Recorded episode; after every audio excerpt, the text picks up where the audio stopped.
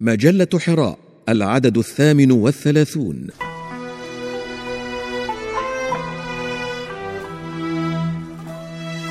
سبحات الإلهام بقلم الدكتور سلمان العودة.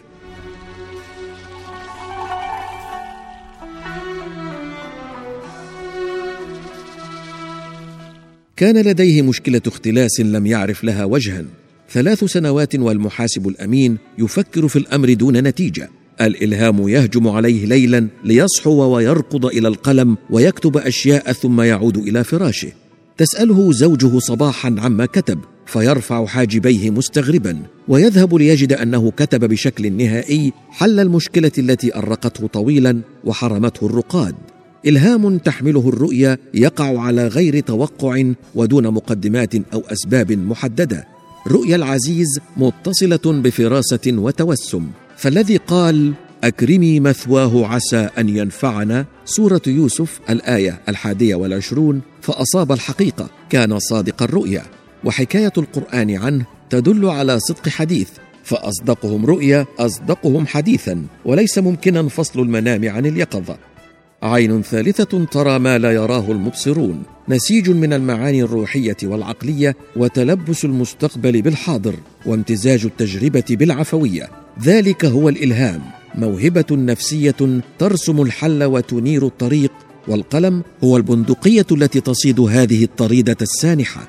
الفكرة الملهمة الجديدة والكاشفة التي تهاجمك على غير ترقب ودون انتظار نوع من الحدس والاستبصار العميق والقراءة الخفية لأن الحيوان بدون عقل فهو يعتمد على الإلهام فحسب في طعامه وشرابه وتزاوجه. وفي معرفة العدو والصديق وفي تقدير المخاطر وتدبير كيفية تجاوزها. ولذا سماه الله تعالى وحيا. وأوحى ربك إلى النحل أن اتخذي من الجبال بيوتا ومن الشجر ومما يعرشون. سورة النحل الآية الثامنة والستون. الإنسان يملك التعقل وهو عملية حسابية مدروسة فيها المقدمات والنتائج وهي مناط التكليف والحساب والمساءلة.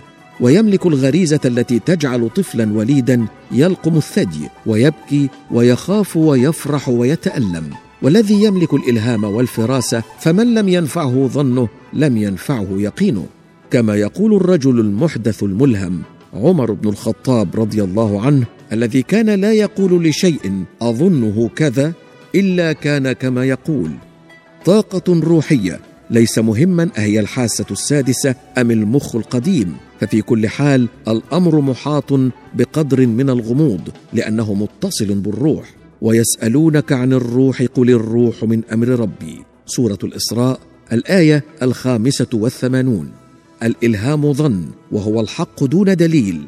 الغربة تلهم. فالغربة حرمان والمحروم يقرأ بشكل مختلف ويلتقط المعنى من زاويته الخاصة.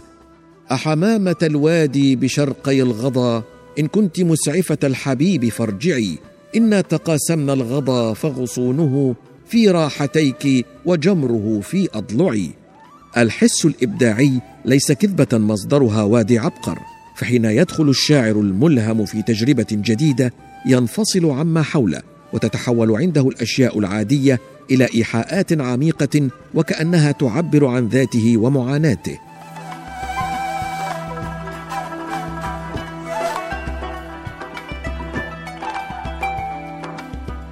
الحب مصدر للإلهام فالتجاذب الروحي والعاطفي يمنح التألق والدافعية وينشط الاستعداد لتلقي الإلهام. والمرأة ذات القلب النابض والعاطفة الحية تستقبل الإلهام وتملك الحدس أكثر من الرجل فهي أقدر على قراءة المجهول واكتشاف المستور. قلب الأم يلهث وراء جنينها الذي يظل جنينا ولو بلغ السبعين وقلب الزوجة دليلها الذي لا يكاد يخطئ حين يجيب على الأسئلة والمخاوف أو يمنح الأفراح والآمال والتطلعات المستقبلية. المرأة ملهمة أكثر لأنها تحب أكثر.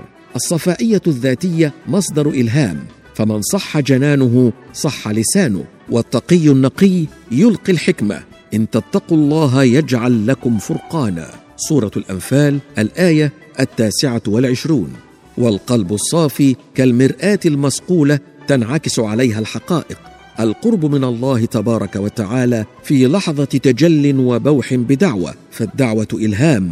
اللهم ألهمني رشدي. فالله مانح الإلهام والدعاء سبيله والإيمان حافزه. السكينة هي الحالة النفسية الملائمة للإلهام هي لمة الملك. والإلهام حالة ملائكية وربما كانت العزلة سببا في التأمل وتهيئة النفس لتلقي الفيض الرباني. فلا غرو أن كان انتظار الصلاة بعد الصلاة مما يحط الخطايا ويرفع الدرجات. وأن كان الاعتكاف من سنة المرسلين وأن قدم الله لرسوله صلى الله عليه وسلم بين يدي رسالته بتقدير التحنث في غار حراء الليالي ذوات العدد. فكرت أياما طوالا في أمر دون ظفر بطائل في لحظة خاصة جاء الحل حين توقف التفكير وتراجعت الأسباب. لا تجعل الهم في بؤرة العناية ولا تلح فشدة الإلحاح تعرقل الإلهام. ولا تعجل فالعجلة لمة الشيطان وحذار أن ترمي بالحل في ظلمات اليأس فالإغلاق هو الآخر من إلقاء الشيطان. يعدكم الفقر. سورة البقرة الآية الثامنة والستون بعد المئتين. لا ييأس من روح الله إلا القوم الكافرون. سورة يوسف الآية السابعة والثمانون.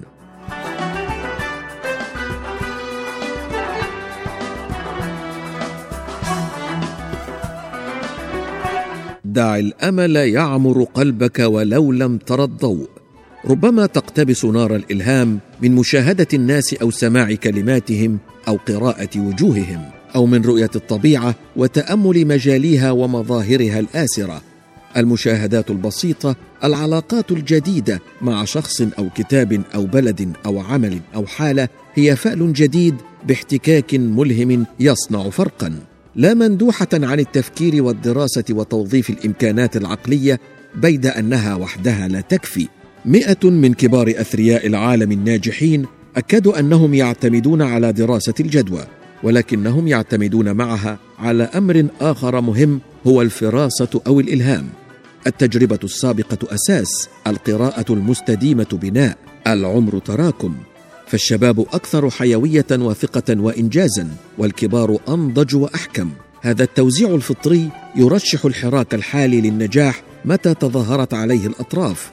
شباب يأخذ زمام المبادرة للتغيير ويسمح للكبار أن يقودوا المرحلة ليأخذ هو دور الرقيب والمحاسب.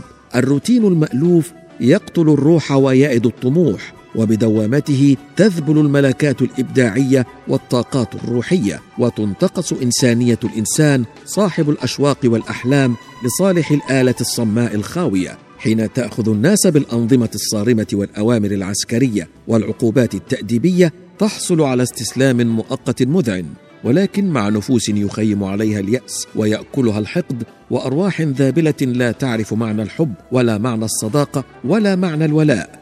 ضيق الفرص في مجتمعات شابة مرتفعة النسبة في مواليدها منخفضة النسبة في إفساحها واحتوائها ووعيها بمتطلب العيش الكريم هو سبب وجيه للتحاقد والتحاسد ومدعاة أن ينشغل الفارغ بملاحقة من حوله. أن تدرب القلب كما العقل كما البدن أن يكون عصيا على الاستفزاز والإيذاء. عصيا على تقبل الحقد والكراهية محافظا على صفائيته فذلك معناه أن نكون ذا جاهزية عالية لتقبل الإلهام. الإلهام لا يحرم الحلال ولا يحلل الحرام هو ومضة إشراق تلمع في النفس لتعبر عن كلمة موحية تنضج بالحكمة وتتشح بالجمال وتحصد القبول حتى يقول سامعها عبرت عما في نفسي وكأنما أنا الذي قلتها إنها كلمة النجاح التي يدعيها أباء كثيرون. دون أن تعرف السبب قد يحملك الإلهام على شيء ما كما عمل ذلك الإطفائي الذي شارك في إخماد حريق وتم إنقاذ جميع المستهدفين. وجد نفسه مضطرا بغير إرادته إلى دخول المنزل. والنار لا تزال تشتعل لينتقل من مكان إلى مكان وصولا إلى غرفة حيث وجد صبيا قد غمره الدخان يحاول أن يلوذ بالسرير ويرتجف من الرعب والخوف والحيرة. فأخذه سريعا وبعد دقائق سقط سقف الغرفة. لن يكون هذا الجندي ابدا شخصا مريض القلب بالبغضاء ولا انسانا حقودا ولا ماديا انانيا. فالشيء من معدنه لا يستغرب. كن أنت ذلك الجندي وابحث عن الطفل الذي نجاته على يدك بإذن الله. قد تجده على مقربة منك أو حتى في داخلك يئن. أعد إليه بسمته.